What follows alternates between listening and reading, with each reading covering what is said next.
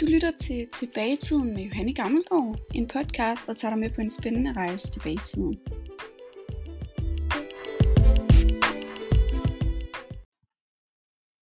Hej og velkommen til episode 2 af Tilbagetiden. Mit navn det er Johanne Gammelgaard, og i dag der vil jeg snakke lidt om antikens Grækenland. Øhm, vi skal komme lidt ind på, hvor det hele startede, og hvordan det hele startede. Så skal vi snakke lidt om bystaterne Athen og Sparta, som jo havde kæmpe stor betydning for den her historiske periode i Grækenland. Og det skal så også lige nævnes, at det er altså det her antikens Grækenland, der faktisk ender med at lede op til Romeriet, som vi snakkede om i den første episode af Tilbage i tiden.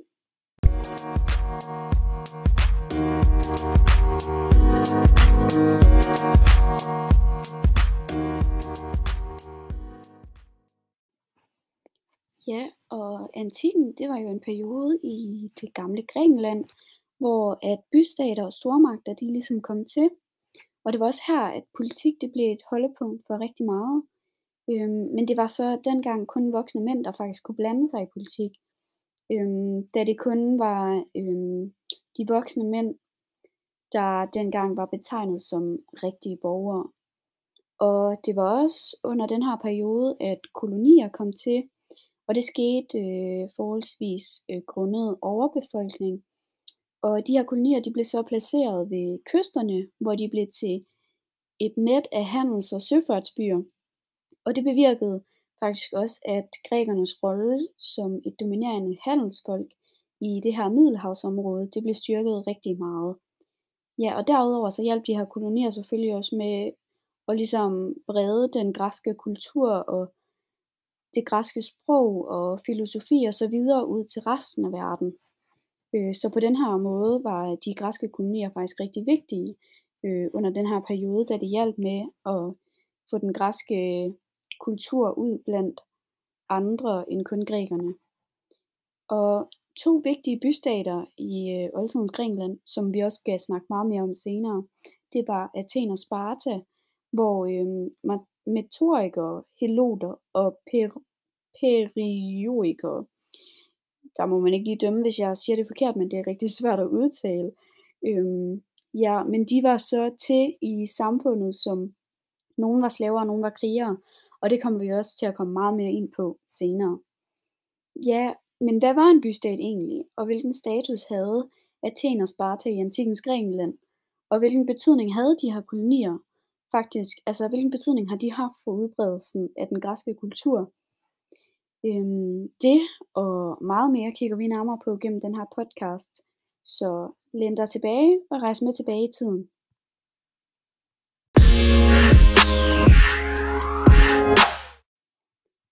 Nå, men lad os da bare rejse tilbage i tiden med det samme. Vi skal faktisk helt tilbage til minus 1600-tallet, hvor antikens Grækenland, eller det gamle Grækenland, som, øh, som vi selvfølgelig også kan kalde det, efter sine for alvor blev til. Fra minus 1600-tallet, der kan man nemlig påvise øh, eksistensen via øh, fundne kilder. Øh, der kan man påvise eksistensen af et meget rigt græsk kongerige, som befandt sig på halvøen Peloponnes, eller Peloponnes. Øh, og det kongerige, det gik under navnet Mykene. Øh, og lige præcis det her kongerige, det er det, der har givet navn til den periode, som vi skal komme lidt ind på her først. Øh, nemlig den periode, øh, man kalder den mykenske periode. Det var en periode, der varede fra minus 1600 til minus 1200. Og under den her periode i græsk historie, der bar kongen titlen Vanax.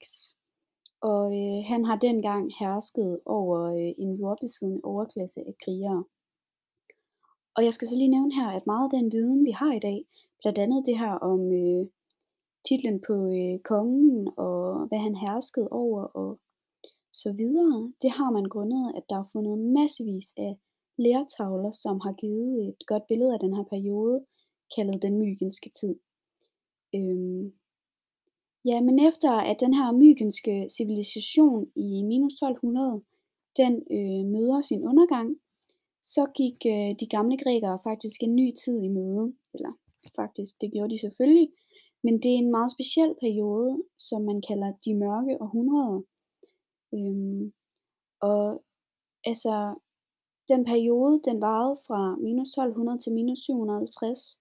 Og ja, det her navn, de mørke århundreder, det har den dels fået grundet, at den kulturelle og økonomiske tilbagegang, øh, der kom øh, under den her periode, og så har perioden faktisk også fået det her øh, meget dystre navn af, at øh, der simpelthen ikke er fundet nogen skriftlige kilder. Der findes ikke nogen skriftlige kilder fra den her periode, hvilket gør øh, den meget svær at sætte ord på. Men da den her periode, øh, den så lakker mod enden, der begynder en ny og meget bemærkelsesværdig periode for de gamle grækere. For i omkring minus 700, der kan vi nemlig igen begynde at finde skriftlige kildeberetninger. Og øh, i de her kildeberetninger, der beskrives et Grækenland, der har forandret sig markant over de her mørke århundreder. Øh, Grækenland, der i den mykenske tid øh, karakteriseredes ved de her paladser og kongeriger, var nu ifølge de her kilder blevet til selvstændige bystater. Øh, hvad karakteriserer den her periode? Og hvordan fungerer samfundet nu, da landet var bygget op af selvstændige bystater? Ja, det skal vi snakke meget mere om øh, lige om lidt.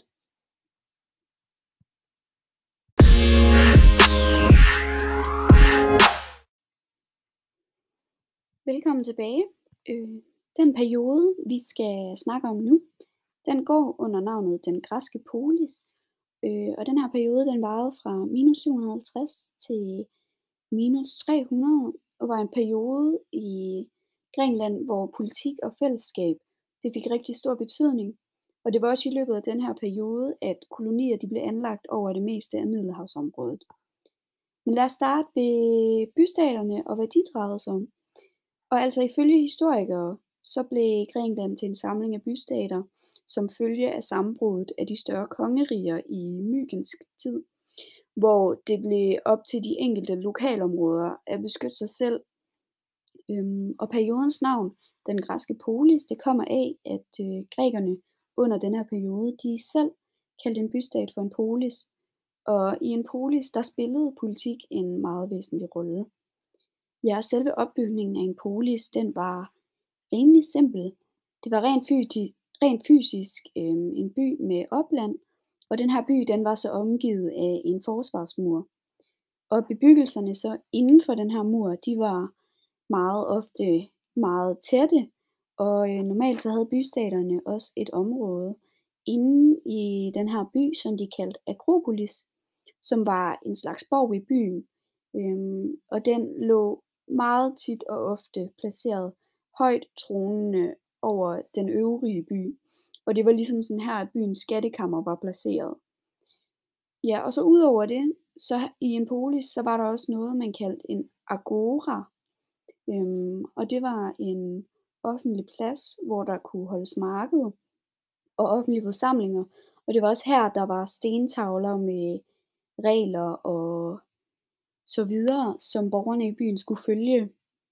Ja, og de græske bystater, øhm, de havde deres storhedstid fra minus 500 til minus 300, hvor perioden den faktisk også endte med at have sin afslutning. Øhm, den største bystat gennem perioden, det var Athen.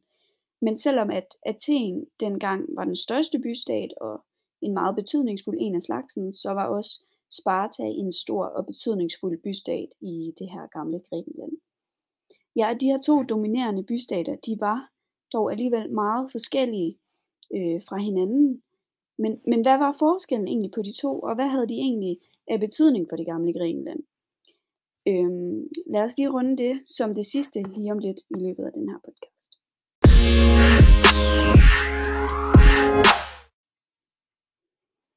Velkommen tilbage.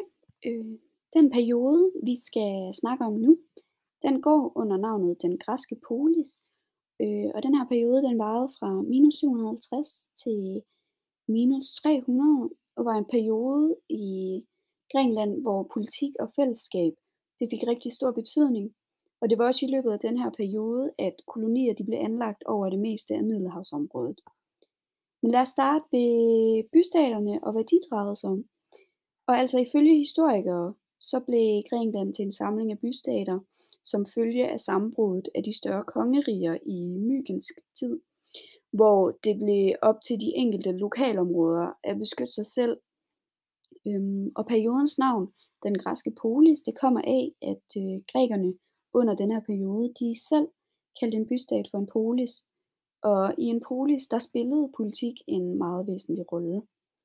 Ja, selve opbygningen af en polis, den var rimelig simpel. Det var rent, fysisk, rent fysisk øh, en by med opland, og den her by, den var så omgivet af en forsvarsmur. Og bebyggelserne så inden for den her mur, de var meget ofte meget tætte, og øh, normalt så havde bystaterne også et område inde i den her by, som de kaldte Akropolis, som var en slags borg i byen. Øhm, og den lå meget tit og ofte placeret højt tronende over den øvrige by. Og det var ligesom sådan her, at byens skattekammer var placeret.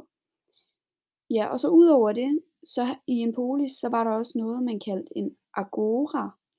Øhm, og det var en offentlig plads, hvor der kunne holdes marked og offentlige forsamlinger. Og det var også her, der var stentavler med regler og så videre, som borgerne i byen skulle følge. Ja, og de græske bystater, øhm, de havde deres storhedstid fra minus 500 til minus 300, hvor perioden den faktisk også endte med at have sin afslutning. Øhm, den største bystat gennem perioden, det var Athen. Men selvom at Athen dengang var den største bystat og en meget betydningsfuld en af slagsen, så var også Sparta en stor og betydningsfuld bystat i det her gamle Grækenland. Ja, de her to dominerende bystater, de var dog alligevel meget forskellige øh, fra hinanden. Men, men hvad var forskellen egentlig på de to, og hvad havde de egentlig af betydning for det gamle Grækenland? Øhm, lad os lige runde det som det sidste lige om lidt i løbet af den her podcast.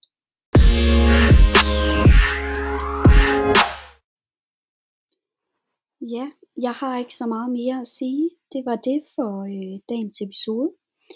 Øh, tusind tak fordi I lyttede med, og øh, så lyttes vi forhåbentlig ved i min næste episode af Tilbage i tiden.